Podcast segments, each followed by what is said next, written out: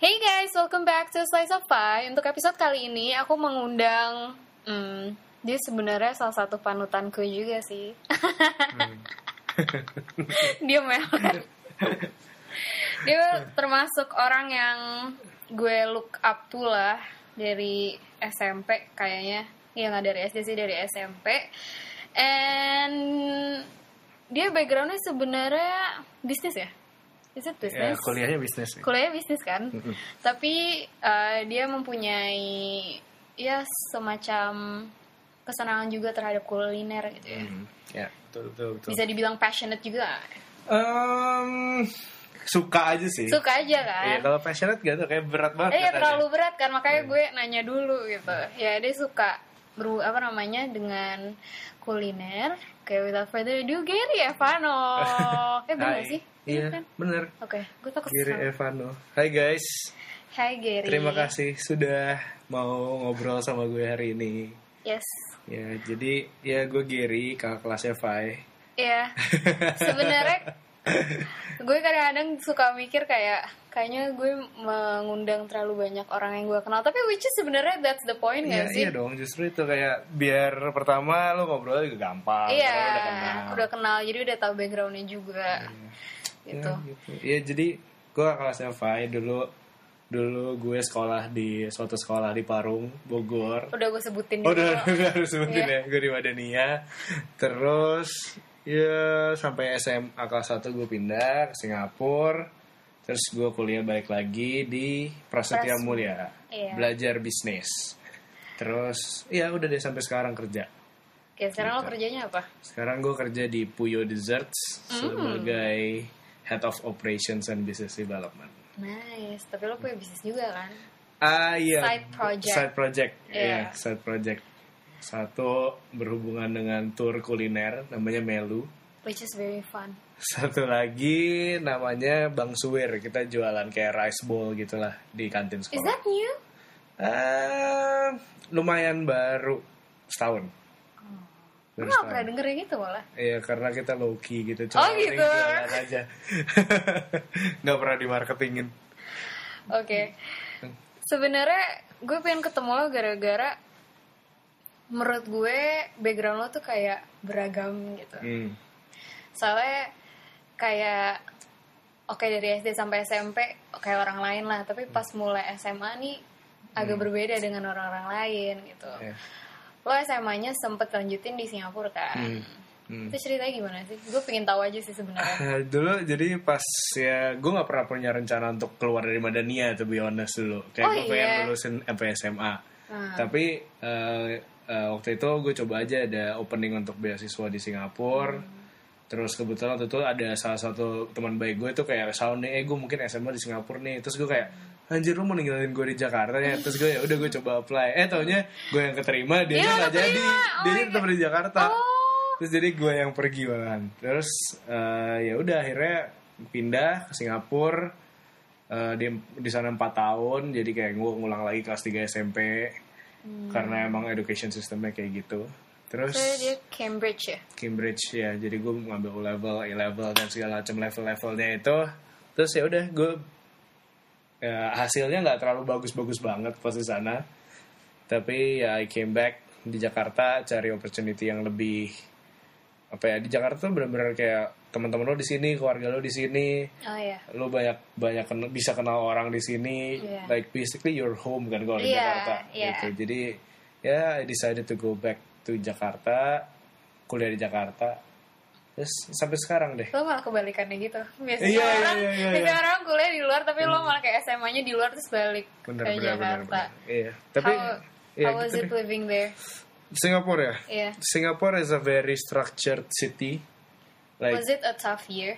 Uh, Years? Yes, it was it was But karena kuliah eh, sekolahnya sih sebenarnya. Oh. Karena ya mungkin semua orang udah tahu di sini bahwa Singapura itu salah satu yang kul- sistem pendidikannya paling Iya, berat seluruh berat. Hmm. dunia selain mungkin Korea atau apa. Jadi ya itu berat banget apalagi untuk kita anak-anak Indonesia atau mungkin sekolah kita dulu juga nggak terlalu yang akademia banget gitu Iya, kan. iya, Terus iya. jadi ya lumayan berat secara akademis. Tapi teman-temannya baik, guru-gurunya di sana juga lumayan Oh, iya. suportif.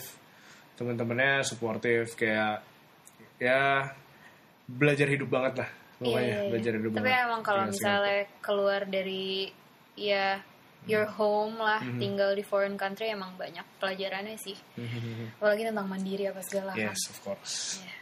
Oke, sekarang gue mau ngomongin tentang makanan dan kuliner nih. Mhm. Sebenarnya nggak terlalu sih, sebenarnya masih berhubungan dengan karir lo. Mhm. You're very interested di dunia F&B atau kuliner, Mhm. Tapi lo malah pilih kerja di Puyo Mhm. dan mempunyai ya side business yang tadi lo udah ngomongin. Why Hmm. did you decide to work instead of kayak building your own Hmm. restaurant or F Oke. ya ngerti gak sih? Oke, Eh, gimana ya? Soalnya dalam sepanjang hidup gue gini, sebenarnya gue nggak pernah punya rencana yang jelas kayak, oh gue udah Ah. by umur segini gue pengen jadi ini nih, terus Iya, kayak iya, iya. gue pengen karir path gue kayak gini-gini. Beda sama adik gue. Adik gue tuh Oh. pengen banget dari dulu gue pengen bikin pesawat gitu. Ya udah, jadi dia kuliahnya berhubungan dengan itu dan seterusnya lah. Ah. Kalau gue tuh kayak "Ya udahlah jalanin aja, jalanin aja. Kayak kalau lu tanya gue pas gue SMA, gue pengen jadi computer programmer Uh, gitu jadi ah, nggak pernah ada. Gue gue nggak pernah ngeplan segitunya Hmm. gitu. Tapi maksudnya pas kuliah juga lo gak pernah mikirin gitu? nah pas kuliah Soalnya kan biasanya kalau udah akhir-akhir semester, nah iya sih. kayak, nah di kuliah tuh ya? sebenarnya menemukan yang gue suka gitu bisnis. Ah, karena dari dulu gue nggak pernah kepikiran untuk kuliah bisnis gitu. Hmm, tapi akhirnya kalau ketemu Prasmul review orang bagus terus ya udah gue coba bisnis dan pas ngejalanin ternyata eh, apa namanya Cocok. cocok dan lumayan. Apa ya gue suka lah. Hmm. nah kalau berhubungan sama kulinernya sebenarnya ya apa ya dari nyokap gue sih sebenarnya. Eh, nyokap Iya, gue iya, tuh apa komunitas kuliner banget lah. Anaknya Iya. dia nulis beberapa buku kuliner juga. Jadi dari kecil kita suka banget diajak eh, jalan-jalan misalnya keluar kota keluar negeri tuh eh, urutan acaranya tuh tempat Makan. makan, gitu jadi kayak emang udah dari dulu Iya. kulturnya emang udah wisata kuliner. iya wisata gitu. kuliner kayak ada orang mungkin kayak belanja atau misalnya datang ke apa Hmm. apa namanya alam-alam gitu kan kalau keluarga gue dari dulu emang udah kuliner nah dari situ gue suka untuk explore coba-cobain makanan sampai sekarang gue juga kayak mungkin kalau ditanya hobi gue apa hobi gue makan kali Iya makanya ada glutinous Gary kan. Iya, gue mau rebranding tuh ntar gue bikin bagus. gue masih suka liatin lo ya. Walaupun lo postnya di Twitter. Iya, karena Tumblr kan. Iya, Tumblr.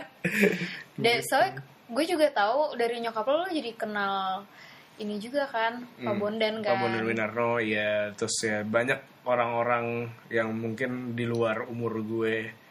Ya pokoknya lebih tua, lebih senior, lebih ngerti tentang kuliner dan lain-lain tuh juga sebenarnya dikenal sama nyokap gue. Tapi akhirnya hubungan gue tuh bukan oh ini anaknya nyokap gue gitu, tapi ya kita gue punya hubungan personal sama tokoh-tokoh gitu. itu juga gitu. Jadi mereka nggak lagi hubungin gue via nyokap gue gitu. Jadi Iya, kita iya, iya, chat ngerti, langsung, email-email langsung kayak gitu. sih. Iya, sampai iya, iya. ke bawah juga sampai sekarang pas bikin melu kulineritus dan lain-lain juga dibantu sama mereka gitu. Oh gitu. Hmm. Oh makanya lo bisa wisata kuliner di tempat-tempat yang udah emang renowned, maksudnya kayak ketahuan makanannya enak dan Iya. emang udah dapat rekomendasi dari mereka juga ya Iya, soalnya. ya rekomendasiin tempat makan di mana aja mereka-mereka itu. Bahkan pernah eh, tempat itu sebenarnya nggak bisa di booking cuma gara-gara ada Pak Bondan jadi grup kita bisa di Oh. bisa dapat tempat dan lain-lain gitu deh. Banyak banget Iya. dibantu. Oh gitu, lucu juga ya. Gitu. Tapi seinget gue waktu itu lo pernah cerita kalau Melu itu sebenarnya dia tuh ini ya apa namanya project kampus ya? Ya, proyek kampus Itu historinya gimana sih? Jadi ya sebenarnya historinya itu dulu gue jalan-jalan sama keluarga selalu wisata kuliner terus kita mikir ya dulu masih gue dan bokap gue dan kayak ya keluarga lah kayak kayak bisa dibikin bisnis kuliner nih tapi Hmm. karena adik gue masih sekolah gue kuliah dan lain-lain ya ide Iya. itu ide itu udah nguap aja kayak gitu nah Hmm. pas eh, Prasmul harus bikin bisnis untuk lulusnya Oh itu project ya? akhirnya ya lulus. bisnis project untuk lulus kayak pengganti skripsi gitu kan terus Iya. ya kita propose beberapa ide termasuk ide itu Oh. dan ternyata di approve untuk dijalankan eh taunya jalan sampai sekarang masih ada trip-trip yang masih Oh. dijalanin gitu Eh tapi kalian tuh kalau misalnya project kayak gitu projectnya nggak diambil kampus ya? enggak tetap jadi punya kita Wah enak banget kan kampus juga nggak bayarin apa-apa Oh iya true. Iya, Soalnya gue juga kayak gitu. Maksudnya kayak eh, tugas akhir gue emang bikin project tapi bedanya gara-gara gue makanan gue bikin produk jadi Hmm. hak miliknya hak milik mereka. ah I see, Saya I mereka kan yang ngedanain semua kan Ah. ingredients, utensils Iya, dan kalau- equipmentnya semua dari mereka. Jadi diambil hak milik mereka. ya kalau di Prasmo mereka cuma ngasih guidance sama kayak ya Ya make biasalah kayak sure- bikin skripsi gitu. ya make sure kayak tulisan-tulisannya sesuai dengan kaedah akademis dan lain-lain. Iya sih. Nah sekarang kan kita udah touch kehidupan perkuliahan nih. Hmm. How was your kayak how was your life during college time gitu? Soalnya gue tahu lo dulu pernah aktif juga di acara pop up ya. Mhm, mhm. Lo ketuanya kan? Iya, 2015. Udah lama banget tiga tahun yang lalu. ya tetap aja lo bisa jadi ketuanya gitu. There's something about leadership yang kayak orang-orang emang dari dulu tuh ngeliat lo tuh hmm. Kayak ada ngerti lah ada auranya gitu dia dari SMP tuh dia jadi ketua osis guys Oh, Iya. jadi untuk dia ketua pop up gue gak kaget gitu loh Ya. Tapi kenapa ya? Gue juga kadang-kadang bingung sih kayak apa yang bikin hal itu terjadi gitu. Cuma ya lo pinter kali gue nggak tahu sih. Gue gue nggak ngerasa pinter itu sesuatu yang bisa bikin lo jadi kayak ketua atau apa sih sebenarnya. kayak banyak banget orang di luar sana tapi gue kayak "Eh, gue nggak mau lo jadi ketua gitu kayak. Karena apa ya mungkin karena gue Leo kali ya. Oh mungkin sih Mungkin dominan ya? dominan mungkin. Dominan mungkin mungkin. Tapi nggak tahu sih. Apa ya dari dulu emang gue pengen apa ya kalau lo tanya gue sekarang visi hidup gue gitu ya my life goal itu Hmm. to be apa ya untuk berguna untuk orang lain sih. Oh, oke. itu kayak visi besar hidup gue. Nggak ada yang terlalu spesifik gimana tapi kayak general banget. Tapi karena itu gue jadi punya apa ya semua yang gue lakukan berharap uh, outcome-nya ke sana gitu. Nah kalau jadi pas kuliah sebenarnya pas kuliah itu banyak hal yang gue lakukan adalah untuk coba-coba banyak hal yang baru yang belum pernah gue coba nah hmm. kayak uh, ya gue jadi panitia konser di sekolah gue di kampus gue terus uh, jadi ketua pop up juga. Hmm. habis itu um, coba bikin bisnis baru dan segala macam. Ada beberapa kali gue coba bikin bisnis juga. Tapi uh, pas kuliah itu lebih ke fase-fase mencari iya. mencari jati diri. Mencari gue sebenarnya sukanya apa sih gitu. Walaupun sampai sekarang masih mencari juga sebenarnya.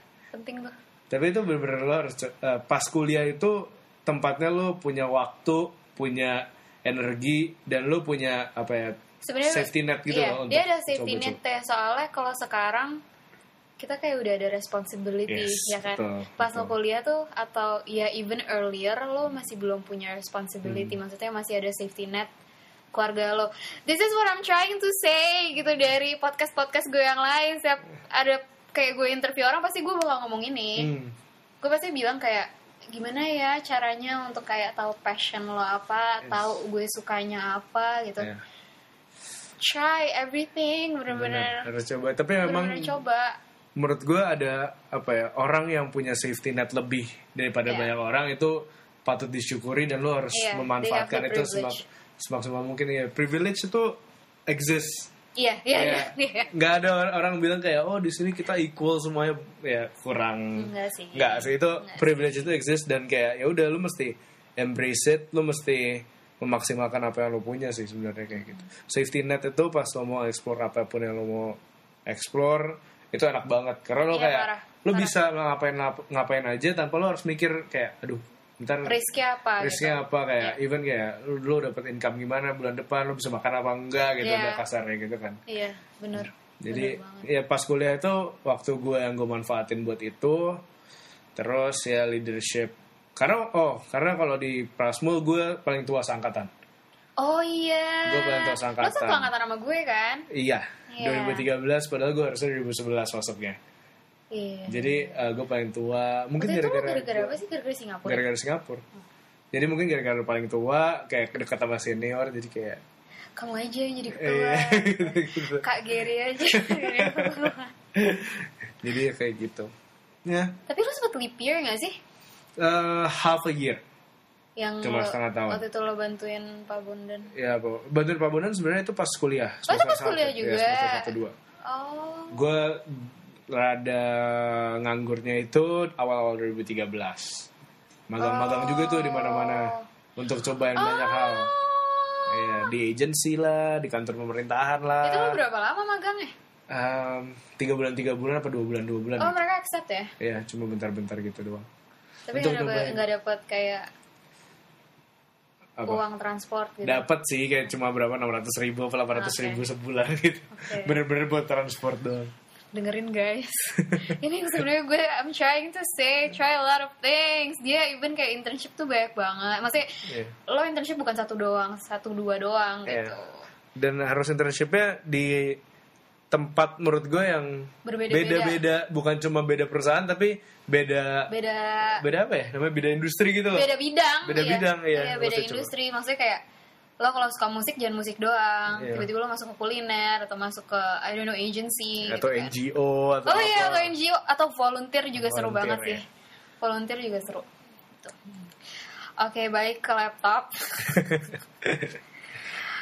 Nah, sekarang kan lo mempunyai ya tadi lo udah bilang kan, Hmm. ada your main job dan juga side business atau ya side project lo. How do you balance all of those stuff? Eh, sebenarnya 90% waktu gue buat Puyo. Puyo.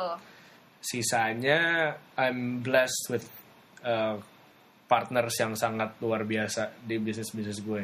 Oh, Kayak di Melu there's there are five of us, terus ada dua yang emang uh, full time untuk ngurusin Melunya. oh, Habis itu di yang satu lagi Bang Suwir itu uh, gue berdua tapi satu teman gue yang benar-benar full operations di uh, sehari-harinya gitu. Nah, dengan gue bisa percaya mereka uh, dan mereka juga bisa accept kalau misalnya gue ngasih masuk masukan. Bahkan bukan cuma accept tapi mereka actually seek uh, apa namanya advice juga kayak Ger menurut lo gimana kalau kayak gini gini gini. Nah, hmm, karena punya partner yang keren-keren kayak gitu makanya gue bisa menjalankan itu dengan lancar sih sebenarnya how do you find those people? ah Soalnya itu termasuk pertanyaan yang paling orang tanyain loh, Hmm. in terms of business ya.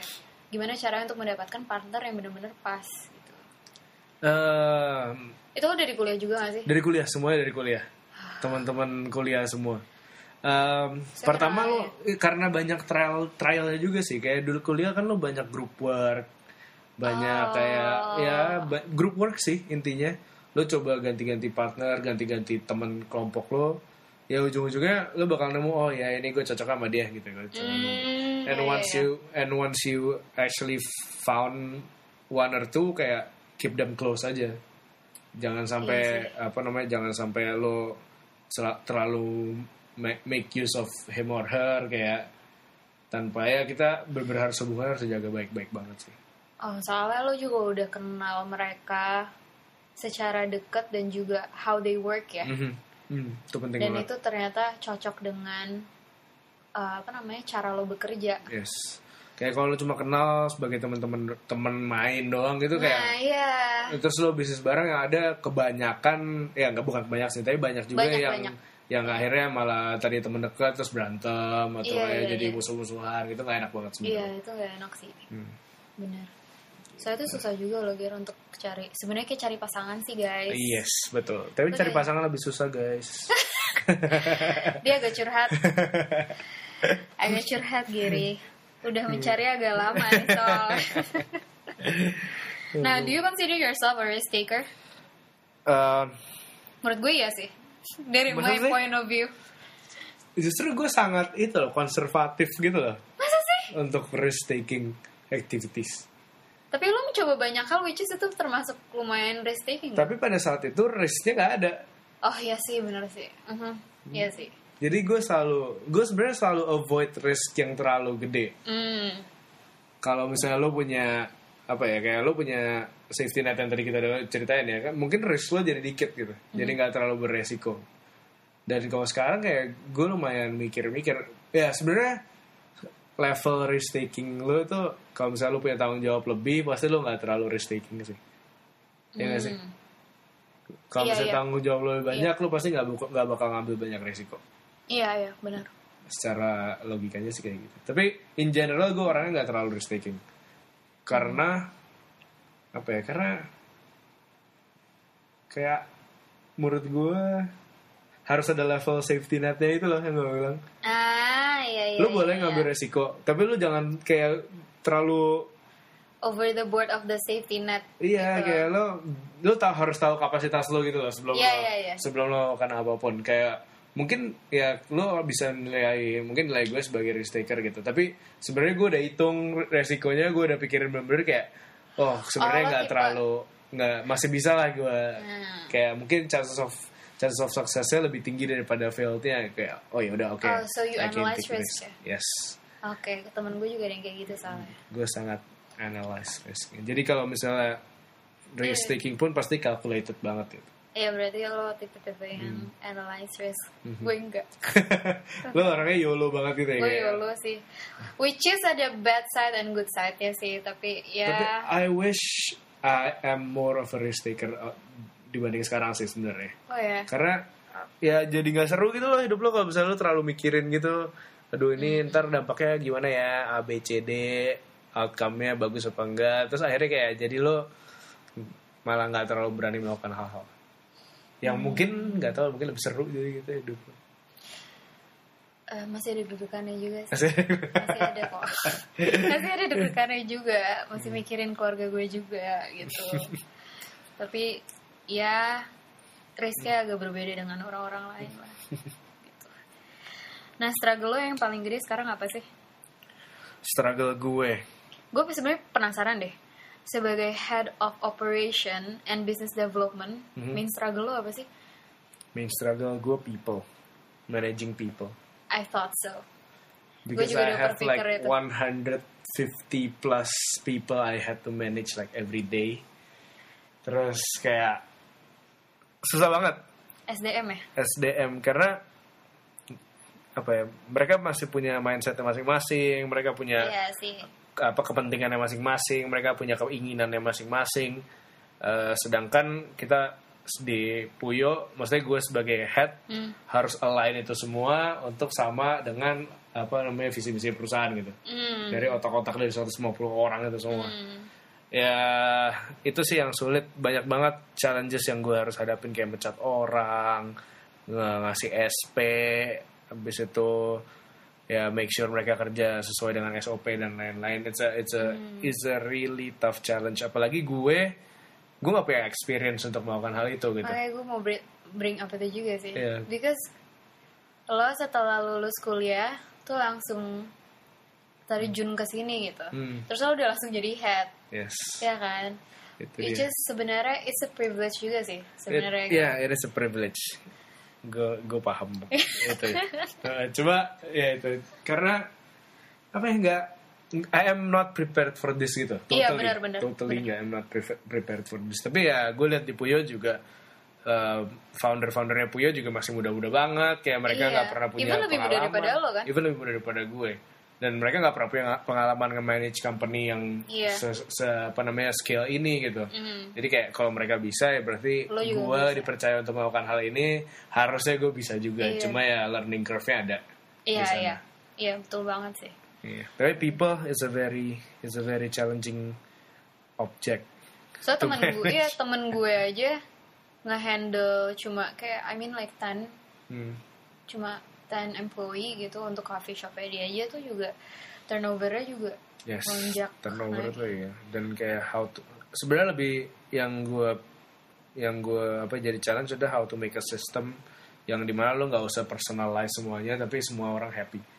oh iya iya iya iya Ya, iya, kayak- mulai dari compensationnya gimana, sistem apa itu shiftnya sangat gimana, interesting sih kayak itu gitu. sangat interesting soalnya I heard this saying di mana kayak kayaknya ada salah satu orang ngomong he's quite famous and uh, kayaknya dia orang kaya tapi gue lupa bener-bener Hmm. siapa orang Amerika if you wanna learn about eh enggak kalau misalnya lo masih muda you're in college or something like that mendingan lo kerja di McDonald Hmm. karena dia bilang lo bakal belajar banyak di McDonald apalagi tentang sistemnya Hmm. Ya, gitu sistem itu gue dan gue juga belajar banyak tentang sistem pas gue part time job hmm. di salah satu uh, kayak burger joint di Malaysia Hmm. bagus banget sih gue juga kayak wah gila sih ini bagus Iya. sih sistemnya gitu Kayak kita harus me- kata kasar itu manipulate orang dengan sistem yang kita bikin gitu loh. Jadi mereka Iya. bekerja sesuai dengan apa yang kita pengen. what amazes me adalah most of the workers yang gue kerja dulu itu adalah part time semua. Oke. Ngaturnya Part time gimana semua. Ya kan gue juga bingung makanya pas gue mikir sekarang pas gue udah terjun kerja, most of them tuh part time dan most of them bener-bener anak-anak kuliah. Hmm. Tapi- masih ada kuliahnya juga Bener-bener masih ada kuliahnya juga. Tapi dia bisa buka chain tuh lumayan banyak. Hmm. Dan semuanya tuh rame-rame bener-bener queue-nya tuh sampai keluar gitu kan. Hmm. Dan yang gue lihat di sini tuh mereka ada kultur. Hmm. They put in culture inside the workplace, which is very good untuk anak-anak muda zaman sekarang karena ya kita pasti makanya gue bikin podcast ini pasti kan kayak ada uh, rasa-rasa di mana ya gue nggak harus nggak tahu harus ngapain, arahan gue ke mana, tapi pas masuk ke situ lo bener-bener ngerasa di welcome, lo di value, Hmm. Ya. kayak terus kayak oke ternyata ada kultur bekerja kayak gini ya, ya. But we're just making burgers actually. Iya, jadi itu benar jualan sama McD juga sama aja gitu. sama burger. aja tapi kayak mereka bisa package itu menjadi ses- kayak suatu komunitas anak-anak muda Hmm. Iya. yang kayak making money tapi they have a sense of pride doing it even though it's just burgers gitu Itu Dan- susah banget bikinnya. iya kan Susah pas gue bikinnya. lihat sekarang wah gila jago juga sih mereka Iya, itu susah banget. mereka bayarnya per jam terus ada OT-nya juga dan mereka benar-benar nge-trainnya itu kayak cuma seminggu kali gue cuma di training Terus seminggu udah bisa gitu langsung. udah udah Berarti dia bikin SOP-nya semua super simple. simple banget sih Iya. simple banget Nah, itu super itu, simple itu yang makanya mereka pilih burgers juga kali ya ya bikinnya gampang jadi ngajarin orangnya gampang. Iya ngajarin orangnya gampang dan kita muter gitu jadi semuanya ngerasain Hmm. itu sih Dan di sekolah tuh sebenarnya apa pun yang lo pelajarin apalagi kalau sekolah bisnis hmm. itu sebenarnya applicable banget. oh. Jadi kayak lo nggak bilang, ah lo cuma bikin bisnis doang lo nggak perlu sekolah lah. Tapi kayak ya memang sih ada beberapa orang sukses dengan gak sekolah. Cuma kalau lo sekolah, lo punya knowledge knowledge yang kayak bener-bener sebenarnya bisa dipakai banget buat buat bisnis lo. iya sih iya sih ya balik lagi sih menurut gue edukasi penting juga gitu Hmm. you learn something every day Yes, of course. mungkin ada eh, ada beberapa orang yang mungkin nggak cocok sekolah gitu. Mungkin mereka lebih belajar di real world. We don't know. Everybody has their own thing. Ya nggak sih? Oke. And another thing yang gue notice dari lo adalah communication skill lo sih. Hmm. Kenapa tuh communication skill? I think dari communication skill lo you can apa ya bisa kenal the right people Hmm. kayak networking right people. iya Dengan maksudnya kayak skill ya. iya Um, communication skill sebenarnya gue gue tuh orangnya sebenarnya gue bisa bilang kayak gini menurut gue bisa bilang kayak gini gara-gara setiap gue ketemu lo Mhm. gue ngerasa comfortable banget ngomong sama lo Hmm. and I think lo juga kayak gitu pembawaannya ke orang-orang lain Hmm. makanya orang kayak seneng aja deket lo gitu sebenarnya gue gue orangnya sebenarnya nggak nggak ekstrovert. Ya pas tes tes ya ekstrovert. Cuma gue untuk nge-charge diri gue gue lebih suka sendirian. Ya itu namanya extroverted introvert extroverted introvert ya Oke. tapi on communication skill menurut gue yang penting adalah eh, pertama lo dengerin orang yang ngomong sama lo sih. Bener sih. Iya bener sih. Eh, yang penting lo dengerin. Jadi lo tuh tahu kayak dia eh, yang dia ngomongin tuh apa sih sebenarnya habis itu perasaan dia tentang satu hal atau dua hal yang dia omongin tuh gimana jadi lo bisa respon yang eh, sesuai dengan orang itu gitu jangan sampai lo ngeluarin opini atau apa yang mengoffend orang itu kan itu Iya penting sih. banget Wah, kalau misalnya in case of yang kayak ini kan kita mau kayak bikin apa namanya network atau pengen kenalan sama orang Iya, iya, gitu. networking. Lo harus dengar dia, lo harus ngerti dia tuh sukanya apa. Ya lo ngobrolin hal-hal yang kayak gitu gitu.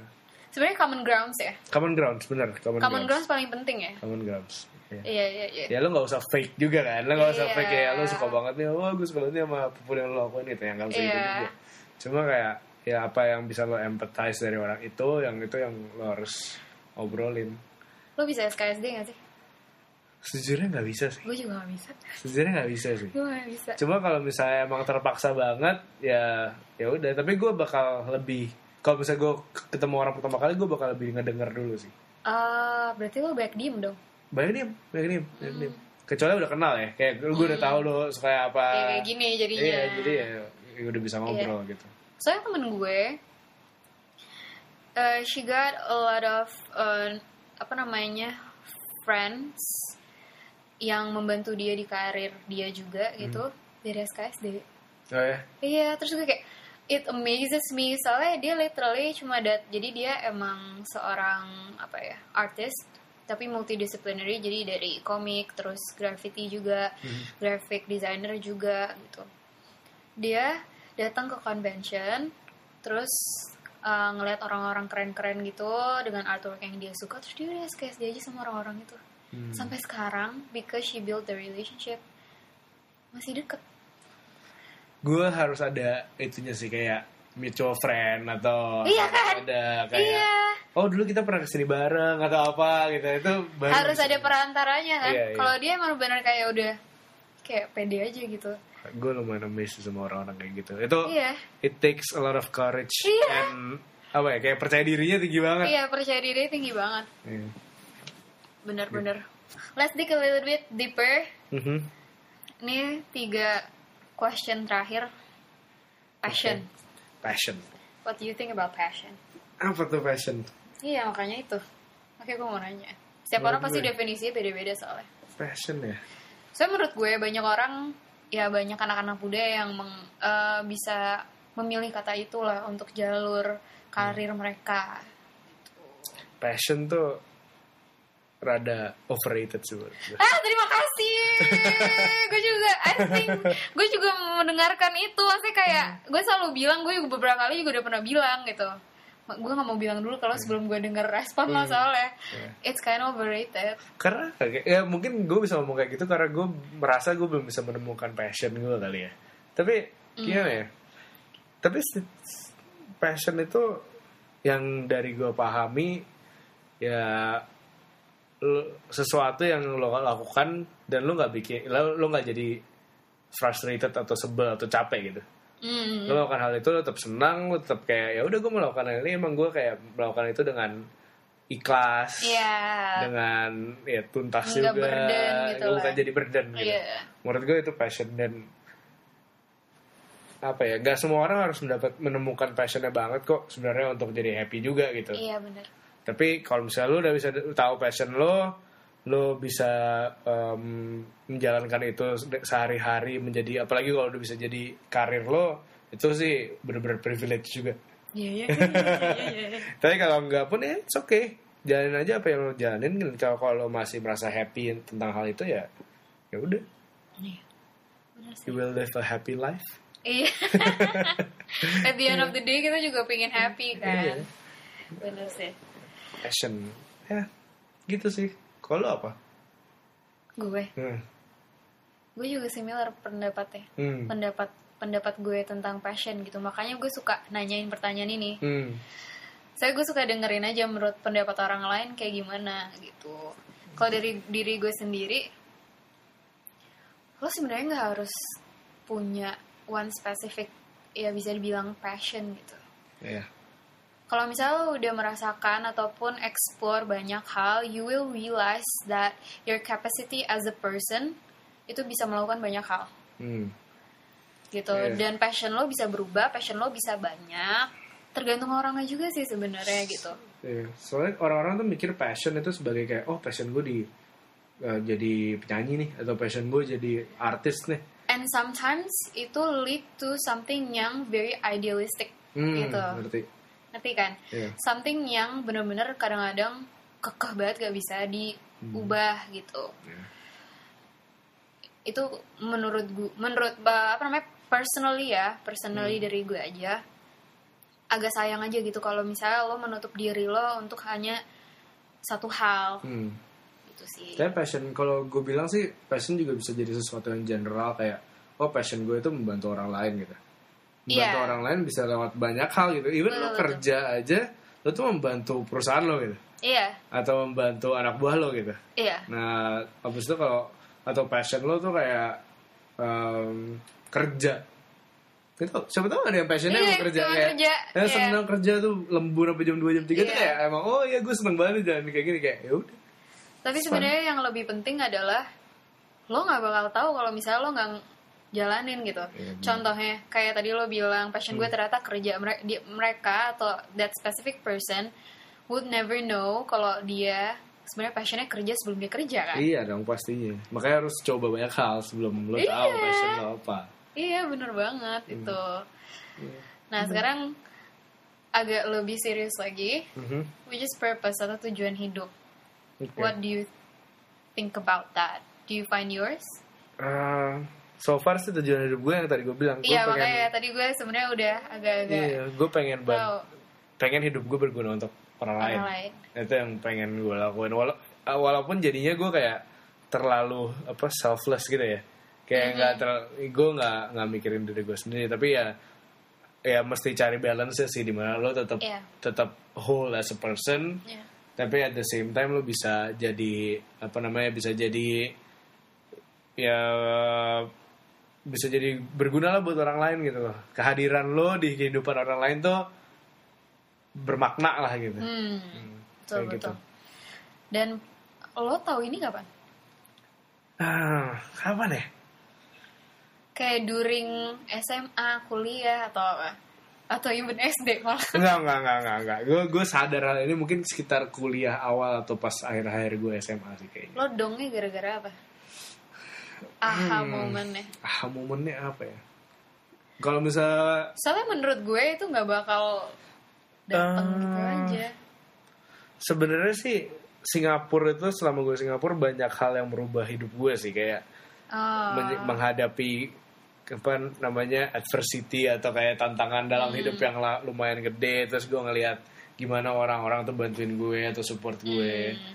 Terus kayak gimana lu hidup di Singapura negara berkembang eh yang negara udah maju Iya, iya. terus lu lihat Indonesia yang kondisinya kayak Masih berkembang. masih aduh banyak banget yang mesti diperbaikin gitu Hmm. nah itu banyak banget itu mungkin momen-momen lo gue tinggal di Singapura gue mengalami secara pribadi gue dapet tantangan terus tapi at the same time gue juga dapat privilege untuk melihat negara maju kayak apa Indonesia Iya. kayak apa Iya. itu gue lumayan merubah perspektif gue gitu sih gitu Singapura banyak merubah hidup gue to be honest kayaknya berat deh. Hmm. Berat hidup di sana. Wah, ah, ya tapi gue mau lagi sih hidup di sana. Oh ya? Buat kerja ya, Ah, buat kerja. Tapi kalau anak gue, gue gak bakal sekolah di Singapura sih. Terlalu kasihan gitu. Oh my god. Terlalu kasihan. Sekolah di Madani aja. Enggak deh, enggak tahu deh. Nanti kalau kita kalau Kita lihat nanti. Kita lihat anak kayak gimana. Iya. Oke, udah sih. Pertanyaan terakhirnya tinggal rekomendasi lo aja. Rekomendasi gue Untuk makanan dulu deh. untuk makanan, ah, Eh, gue kasih kategori biar nggak susah. Iya. Affordable food. affordable food.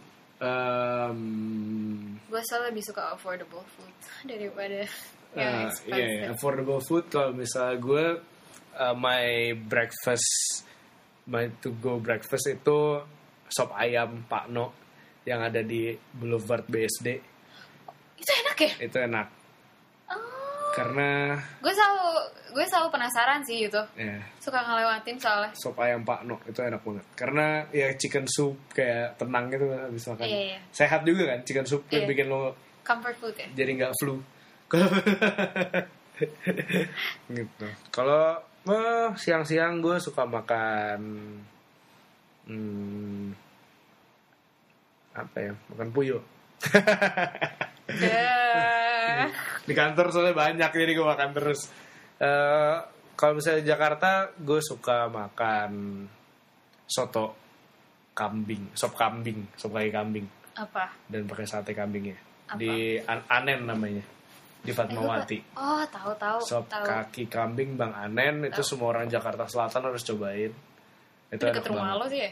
iya Fatmawati. Mm-mm. lumayan enak. Itu enak banget mungkin paling enak di Jakarta Ada lagi eh martabak. martabak paling enak di Cinere ada martabak Markisa Oh, gue tahu juga tuh. itu enak martabak Markisa martabak Markisa enak Lo udah pernah nyobain top Bandung belum?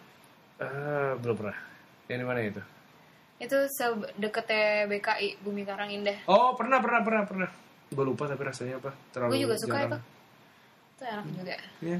Di BSD juga ada tapi agak susah di Tapi sekarang kalau tinggal sendiri makan martabak, pesan martabak tuh Iya sih, gak enak gila. sih. Gimana? Iya, enak banget. Gue makan berdua aja banget. Martabak.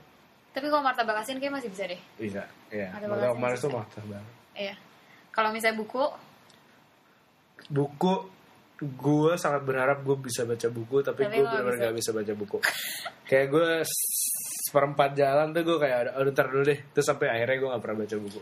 atau mungkin food blogger. Nah, gue baca, gue tuh anaknya Facebook banget sampai hari ini. Oke, kasih. Facebook banget, gue follow semua insider, insider, insider, kayak insider food, Oh. insider business, insider tech, insider pokoknya segala macam Hmm. yang kayak cuma 10 seconds, 15 seconds videos gitu loh, Ah. kayak gitu. Gue gitu. gue anaknya visual banget sih, jadi kayak suka Oh. kalau misalnya ada visual gue bisa. Itu bener-bener lu bakal tahu banyak hal-hal trivia, trivia, trivia things gitu loh. Iya iya iya. Gue juga suka nontonin soalnya. Iya, itu bisa buat jadi conversation starter kalau misalnya ketemu orang. Lo tahu nggak sih Iya. gini-gini? Lu pernah denger gak sih yang ini ini? Kayaknya itu sesuai dengan apa pun yang lu bikin deh. Kalau YouTube, YouTube eh, nggak, Facebook lu nggak nonton nih. gue cuma Facebook doang nontonnya. Hmm. Soalnya short and simple kali ya. Yes. Karena gue attention span gue kayak nggak gitu panjang. Oh gitu. Hmm. That's interesting. Kalau consuming ya. Iya iya. Hmm. Udah pertama kali gue kenal orang kayak gitu. Kecuali nonton film di bioskop. Kayak ya udah, Oh. soalnya distractionnya nggak ada kan. Iya iya iya. Emang lebih fokus dan orang nggak ngomong juga soalnya. Iya, gitu. Iya sih. Oke, Gitu. that's it. Thank you Gary. Thank you, Fai. Udah itu aja. panjang Uh, juga ya kita ngobrol. Ini masih mending gue dengan sejam. Oh ya? Iya, tapi itu bertiga. Hmm. Oke. Oke. Jangan lupa untuk dengerin podcast aku minggu depan. Di akan diupload setiap hari Selasa, bisa didengerin di Spotify, Google Podcast, Apple Podcast, dan juga Anchor, bisa dari aplikasi Anchor dan juga uh, website Anchor di anchor.fm slash a slice of pie. Jangan lupa untuk follow Instagramnya Gary. Nanti aku bakal apa namanya tag di Instagram aku juga dan Instagram aku @fazrina. Thank you so much for listening. Bye.